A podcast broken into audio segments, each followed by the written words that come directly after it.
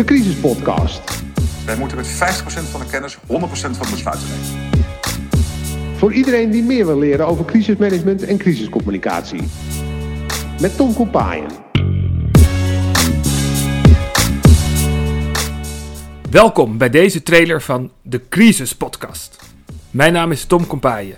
Ruim 10 jaar werk ik in crisismanagement en crisiscommunicatie. Crisis zijn er in alle soorten maten. Een cyberaanval, datalek of grote brand, terroristische dreiging of probleem door de brexit, maar ook seksueel overschrijdend gedrag door medewerker, zoals pas bij D66 en NOS. Of iets wat klein lijkt, zoals een negatieve review over jouw bedrijf. Elke organisatie kan met een crisis te maken krijgen. En dan staat jouw organisatie direct vol in de spotlight. Dit zijn vaak de momenten die je als bedrijf of bestuurder kunnen maken of breken. Vaak hoor ik dat mensen het moeilijk vinden om echt goede informatie te vinden over crisismanagement en crisiscommunicatie. Er zijn maar weinig boeken over geschreven en met googlen vind je ook niet veel. Daarom ben ik gestart met de Crisis Podcast. Om ervaringen te delen en praktische crisistips voor iedereen beschikbaar te maken. Want je leert het meest van echte crisis.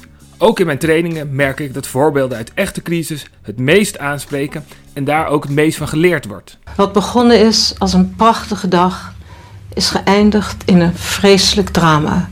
In de Crisis Podcast komt elke aflevering een andere gast. Een medewerker van een organisatie die zelf een crisis heeft meegemaakt of een expert crisismanagement of crisiscommunicatie. En centraal staan altijd de vragen: wat kunnen anderen hiervan leren? Wat zijn de belangrijkste tips voor jou bij een crisis? Wat kan je verwachten van komend seizoen van de Crisis Podcast? Ik som een paar dingen op die op het programma staan. Aan het begin van de coronacrisis in de eerste golf was bij het OVG een ziekenhuismedewerker besmet. En dat was de eerste ziekenhuismedewerker van Nederland. En er was toen veel kritiek op deze medewerker op social media. Hoe ga je daar als organisatie mee om? Wat voor impact heeft het op je medewerkers en op deze medewerker? En wat kun je ervan doen? We praten met de persvoorlichter van het OVG. Media-analyses bij het RIVM tijdens corona. Hoe ga je nou om met die enorme hoeveelheid berichten, ook op social media? En hoe ziet de omgevingsanalyse van de toekomst er eigenlijk uit? En wat heeft de directie, management of bestuur eigenlijk aan deze analyses? Ook praten met Ferry Zandvliet, die de terroristische aanslagen in de Bataclan in Parijs overleefde.